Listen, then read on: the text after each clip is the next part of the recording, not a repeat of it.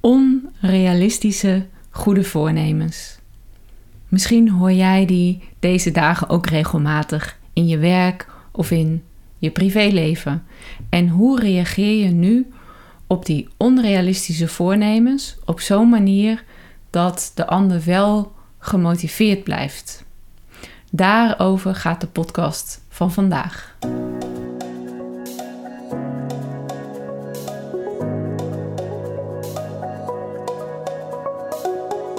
Dat je luistert naar Positief Motiveren, de podcast voor zorgprofessionals die nieuwsgierig zijn hoe motiveren leuker en makkelijker kan.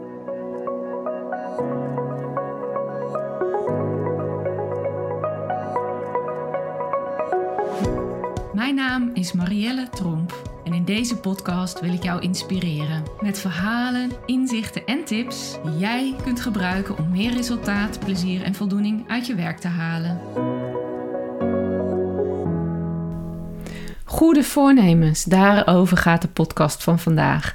En dit is een bijzondere podcast, want het is de eerste van 2022. Dus mocht je dat ook op korte termijn beluisteren, ik wens je alle goeds voor dit jaar. En het is in nog meer opzichten een bijzondere podcast, want ik bedenk namelijk net dat ik hem wil opnemen. Dus ik heb niks voorbereid, niks op papier.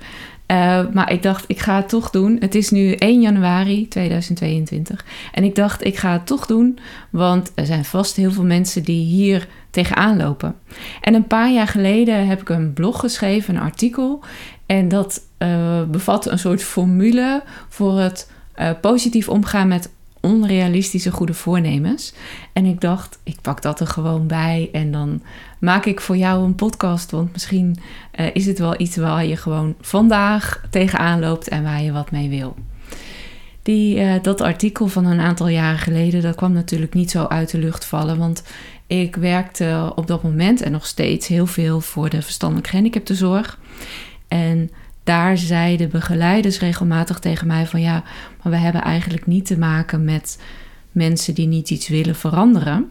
Dus mensen willen wel, maar ze willen iets wat zo groot is en uh, soms zo onrealistisch uh, dat, uh, ja, dat, dat ik me dan, zeggen zij dan, hè, dat ik me genoodzaakt voel om aan te geven dat het niet realistisch is. Maar wat er dan vervolgens gebeurt, is dat de cliënt vervolgens ook de motivatie kwijtraakt. En dat is natuurlijk heel erg jammer. Want het is altijd goed om ergens realistisch te zijn, maar het liefst natuurlijk wel op een manier dat je de ander nog steeds die, dat enthousiasme en die motivatie kan laten behouden. Dus daarover gaat vandaag deze podcast. Hoe doe je dat? En dat begint al met dat um, mensen dus denken dat het goed is om altijd een reality check te doen en om altijd realistisch te zijn en om altijd te voorkomen dat iemand anders teleurgesteld wordt. En zeker als je mensen langer met je cliënt eh, werkt en mensen goed kent, dan kan ik me heel goed voorstellen dat je dat denkt. Um, en ook dat het goed is om op een manier te doen als je ervaring is dat mensen anders nog meer gedemotiveerd zijn. Maar dat betekent niet dat je elk enthousiasme gelijk natuurlijk de kop in wil drukken. Je wil daar wel gebruik van maken, van die energie.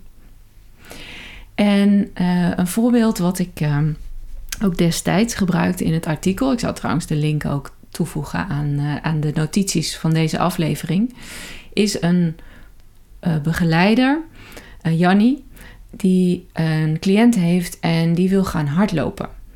En Jannie vindt dat helemaal niet realistisch om deze, om, voor deze cliënt dat hij gelijk wil gaan hardlopen. En zij wil hem dus teleurstelling besparen. En daarvoor zegt zij moeten we realistisch zijn. En ik vergelijk het in, in uh, mijn artikel met een aantal situaties die je misschien zelf herkent. Zo heb ik bijvoorbeeld wel eens uh, goede voornemens over uh, bijvoorbeeld mijn zolder opruimen of mijn werkkamer opruimen. En als mijn man of mijn kinderen mij dan aankijken met een blik van: ja, dat moeten we eerst nog eens even zien. Dan zou je kunnen zeggen, ze hebben een realistische blik. Maar het motiveert mij dan vervolgens echt niet om alsnog te gaan beginnen. En dat is wat er ook kan gebeuren als je te realistisch wil zijn met cliënten. Of misschien is dit helemaal niet jouw voorbeeld en uh, kan je veel makkelijker inleven als het gaat om bijvoorbeeld een voornemen als gezonde eten of geen suiker eten of juist uh, meer fruit eten, meer groente eten, meer sporten.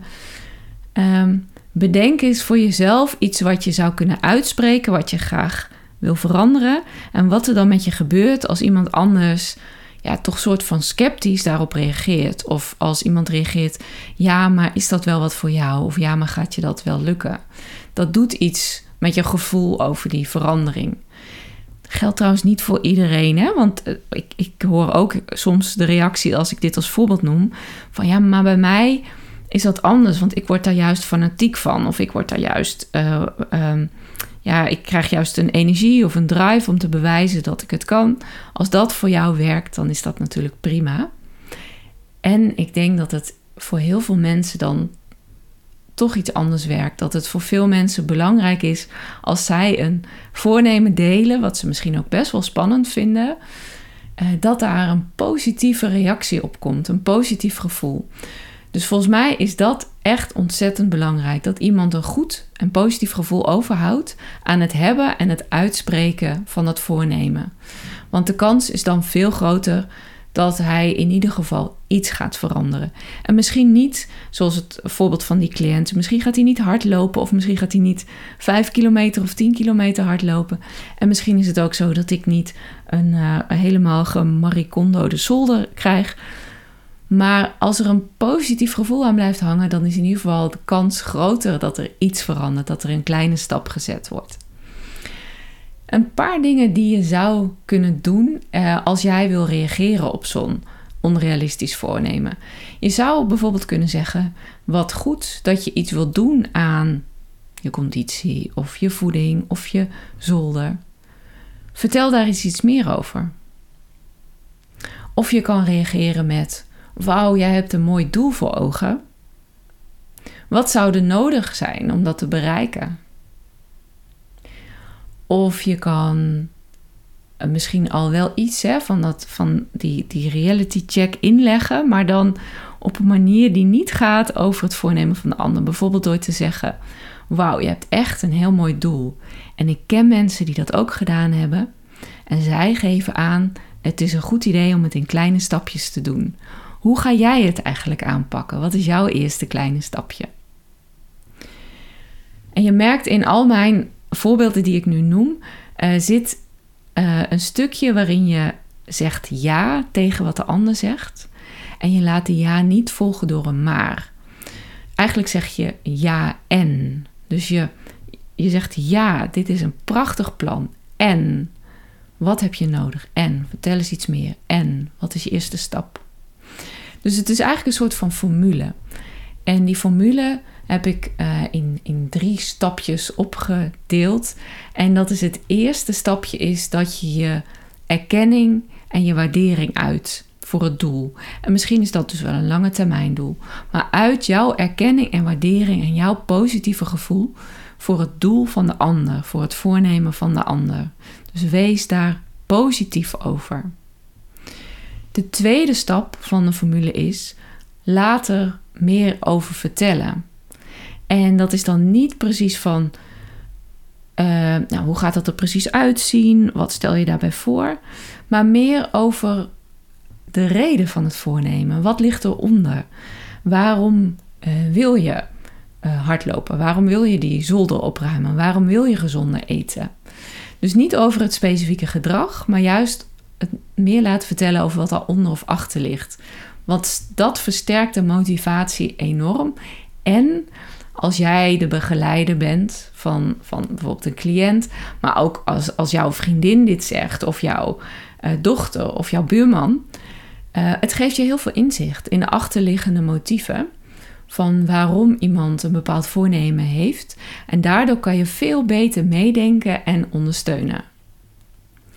En de derde stap van de formule of het derde onderdeel is: stimuleer de ander om dat voornemen te vertalen naar een eerste kleine concrete stap. Ik ben echt niet, ik hou echt niet van smart doelen op lange termijn. Uh, dat zeg ik ook altijd in mijn trainingen. Ik geloof daar voor de meeste mensen niet in dat je lange termijn doelen helemaal smart moet uitwerken, maar op de korte termijn wel. En dat kan zelfs zo kort zijn uh, dat ik vraag: wat ga je deze week nu precies doen? En dat mag echt heel klein zijn. Dus bijvoorbeeld iemand die zegt: Ik wil gaan hardlopen. Uh, dan kan ook een eerste kleine stap zijn om deze week eens na te denken: op welke dag van de week ga ik dat eigenlijk doen? Of als iemand zegt: Ik ga mijn zolder opruimen. Uh, dat je vraagt: Maar welk stukje van de zolder als eerste? Of misschien wel: Waar ga je de spullen naartoe brengen die je weg wil doen? Dus maak het stimuleren om het zo klein te maken dat iemand het of, eh, om het eerste kleine stapje zo klein te maken dat iemand het concreet voor zich ziet en dat hij het ook helemaal ziet zitten om dat deze week te doen. Dus die formule in samenvatting. Stap 1 is uit je positiviteit, uit je erkenning, uit je waardering voor het uh, voornemen. Uh, tweede stapje is laat er meer over vertellen, met name dus over die onderliggende, achterliggende motieven. En het derde is stimuleer om dat voornemen te vertalen naar een eerste kleine concrete stap. Ik hoop dat dit je helpt om op een positieve manier te kunnen reageren op onrealistische goede voornemens. En ik ben zelf wel, nou ik zo aan het praten ben, denk ik meteen ook, volgens mij kan ik hier een reeksje van maken. Ik ga daarna dat ik deze podcast heb eh, bewerkt en gepubliceerd is over nadenken of dat voor mij een mooi voornemen is. In ieder geval wens ik jou een uh, heel fijne manier van reageren toe op alle voornemens die je de komende tijd gaat horen. Tot slot nog even dit. Ik vind het bijzonder dat je luisterde en dat ik even met je mee mocht vandaag. Dank je wel.